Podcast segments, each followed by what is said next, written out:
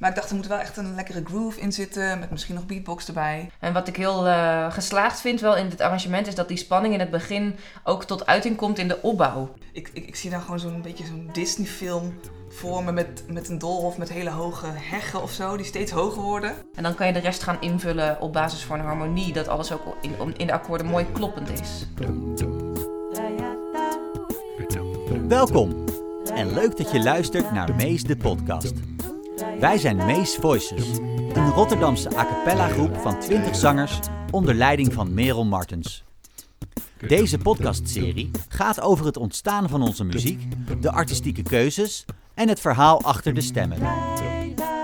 Elke aflevering komt er een ander nummer aan bod en zullen twee meesleden die veel bij dat nummer betrokken zijn geweest, met elkaar het ontstaan van dat nummer bespreken. Deze aflevering gaan we het hebben over de mees. Center of this maze.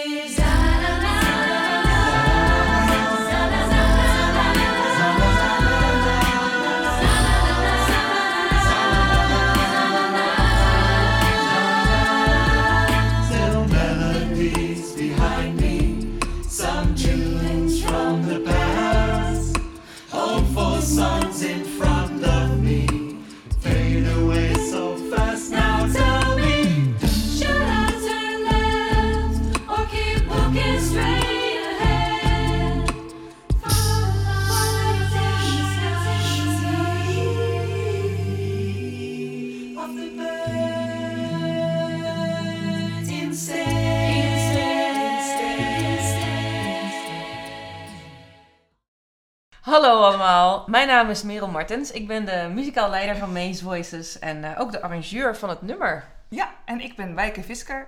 Ik heb het nummer geschreven en samen met Merel uh, gearrangeerd. En we gaan het uh, over het nummer hebben vandaag. Ja, dat was een super gaaf proces, kan ik me nog herinneren. Het is wel best wel lang geleden, want dit, volgens mij hebben we dit gemaakt voor de opstart van Maze, of niet? Ja, klopt. Volgens mij vroeg jij om een nummer te schrijven wat een beetje bij Maze past. Wat heel moeilijk was, want we waren nog niet echt bestaand. Um, dus inderdaad, zo is het begonnen. En ik weet nog dat jij toen een keer bij mij thuis kwam. En toen heb ik gewoon met de gitaar op de bank dat, ja, een soort grooveje gespeeld. En wat woorden door, doorheen gezongen. En toen volgens mij zei hij toen van ja, hier kunnen we al wel wat mee. Ja, weet je, het idee wat we in eerste instantie hadden, denk ik, bij Mees is natuurlijk ook het Doolhof. Dus we hadden zoiets van, we willen graag een soort van titelsong. Als je dan een, concert gaat openen, dat je dan ook neer kunt zetten van oké, tof, dit zijn we. Dat je gelijk een soort van vibe eigenlijk hebt om uh, onszelf muzikaal voor te stellen. Dus het was ook een beetje de eerste hersenspinsels, denk ik, die, die bij jou ontstonden muzikaal. Het was ook wel naar aanleiding van een soort van verdwaald zijn en spanning. En, ja. uh, nou, het is grappig. Dat is misschien wel leuk om even erbij te pakken. Ik kwam namelijk wat oude aantekeningen tegen van, uh, van de tekst. Oh. En het, het, het onderwerp mees is, is super dankbaar, vond ik toen al. Want ja, je kan, je kan daar heel veel kanten mee op.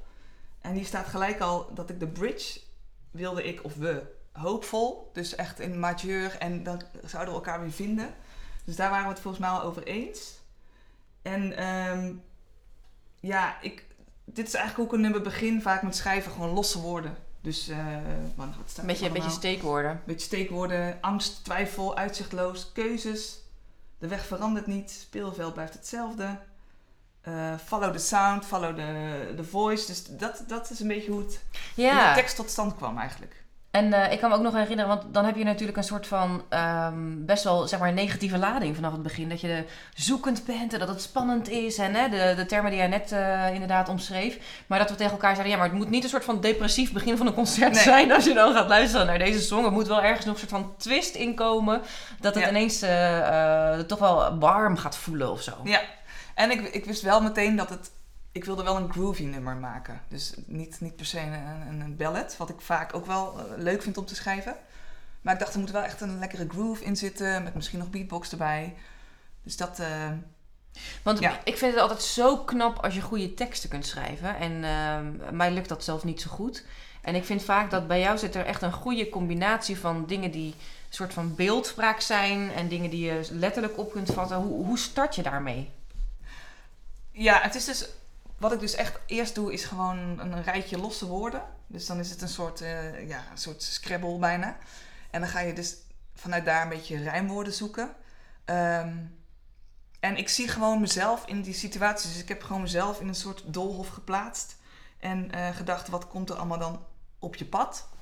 Ehm, en wat, wat, heel, wat, heel belangrijk, wat een belangrijk trucje is bij tekstschrijven, is dat je gewoon in beeldspraak denkt. Dus eerst een zin letterlijk en dan denken van hoe kan ik nu een metafoor erin stoppen. Ik denk dat dat. Uh, Want een big wall of sound. Ja. Dat is, uh, ja, kunnen we ons ook best letterlijk voorstellen. En dat zijn wij misschien ook wel in concert. Maar natuurlijk niet letterlijk. Nee. Dus dat is dan, dan denk je dus aan een dolf met hoge.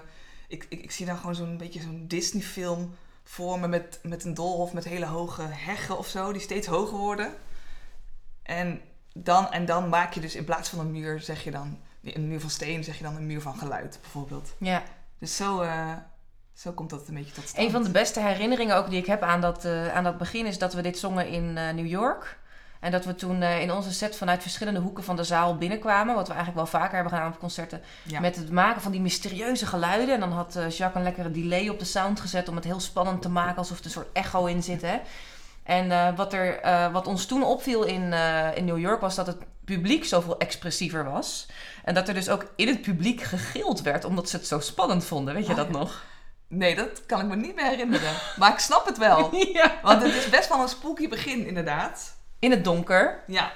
En dat, ja, dat, dat gaan de luisteraars ook nog horen, denk ik. Maar er zitten, gewoon, er zitten heel veel spannende geluiden in, in het begin. En iedereen vond het volgens mij ook heel leuk om daar alles in, in te geven of zo. Dus je hoort dan op een gegeven moment ook iemand een uh, soort krekelgeluid doen. Of een, of een fluisterstemmen natuurlijk. Dus het, is heel, uh, het begint heel spooky inderdaad.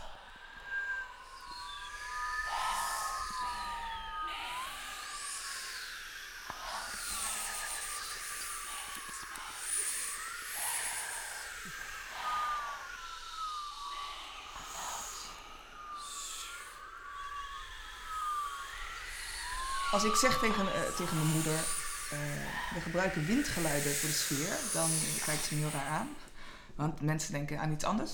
Wat, uh, wat zijn ja, je, windgeluiden? Ja, precies, wat zijn windgeluiden? Goeie vraag. Uh, we hebben nu inderdaad het ge, de spanning van het verdwaald zijn in het doolhof en het is slecht weer midden in de nacht. En dan ja, wat je ook vaak uh, associeert met spanning, dat is dat die wind zo om een, om een gebouw heen zuist of zo. Hè? En dat kan je met de stem door bijvoorbeeld op de letter S met, met um, verschillende toonhoogtes um, te werken, kan je dat best wel goed nabootsen. Dus dan krijg je iets als.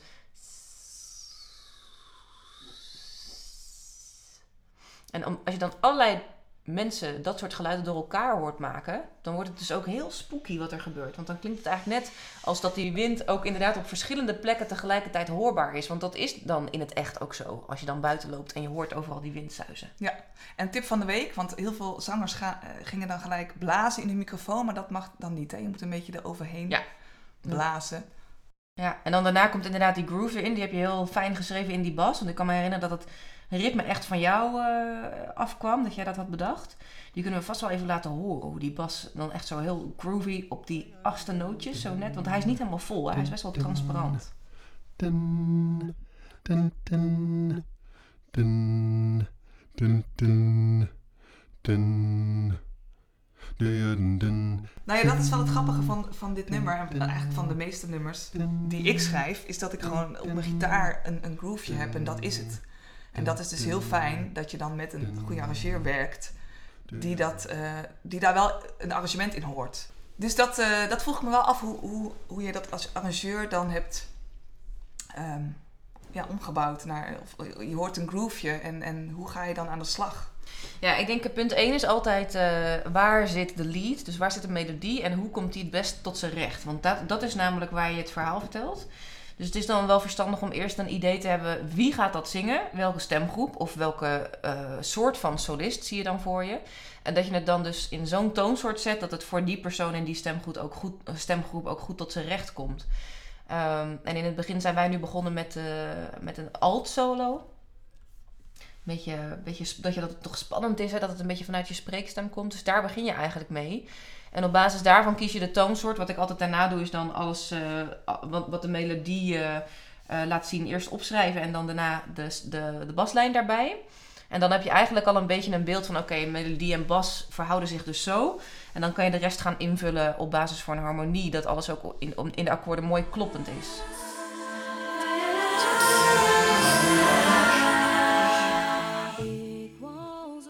Ik ben Marleen, een van de twee solisten in de Mees.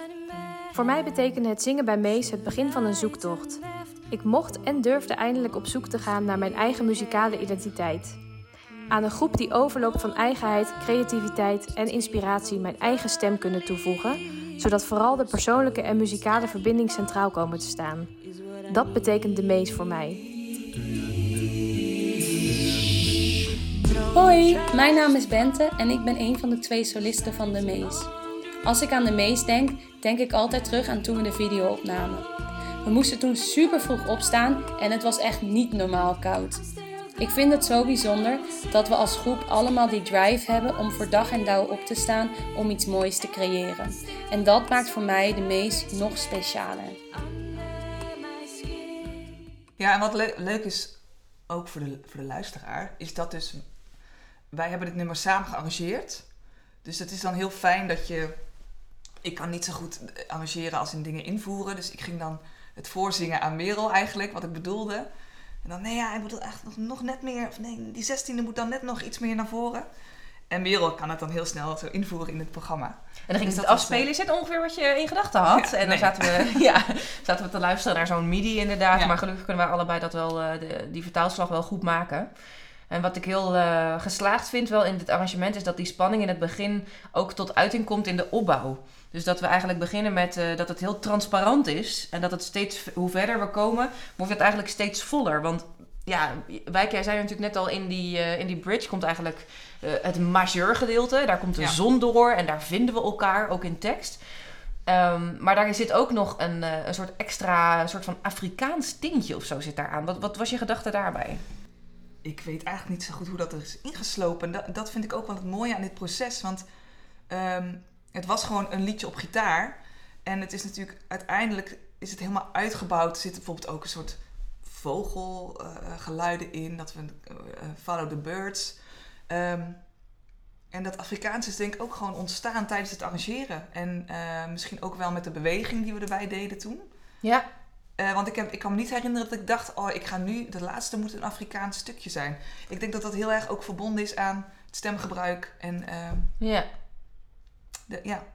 Want jij zei eerder, zei je, ik plaats mezelf eigenlijk in die situatie. Dus jij hebt jezelf niet, zeg maar, tijdens het schrijven van het nummer verplaatst van het doolhof, doolhof met de, de hoge wanden in het donker naar een Afrikaans landschap waar de zon op komt. Dat had ik wel kunnen doen.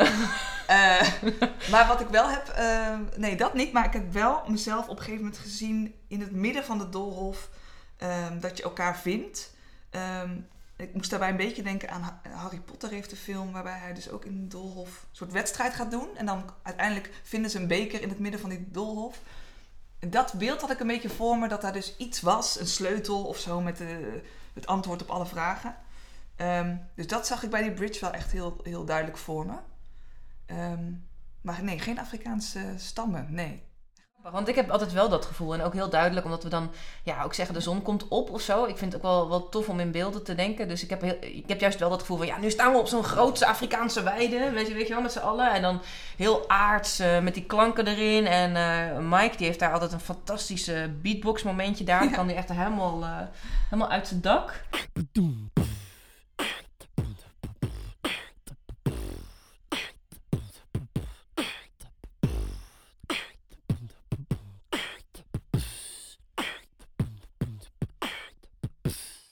Kan me herinneren dat we het echt hebben gehad over het vierkant maken van die klinkers. Want wij zijn in het Nederlands en in het Engels zo gewend om met diphtoons te werken. Hè? Dus dat is de I of de eh, leuk.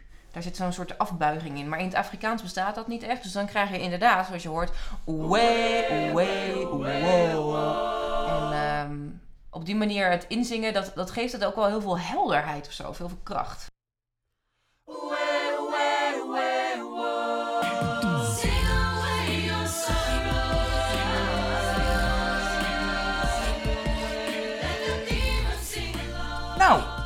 Alweer op, deze podcast voor ons. Ja, vind ik wel jammer. Ik vond het wel leuk om eh, zo gezellig even te kletsen en een beetje terug de tijd in te gaan. Ja, ik ga denk ik gelijk weer even luisteren thuis naar het nummer. Goed idee, of even de videoclip kijken misschien. Is er een videoclip? Ja, die is er ook. Wat verdorie. Dat is echt de moeite waard hoor. Dan gaan we Die even op YouTube even opzoeken.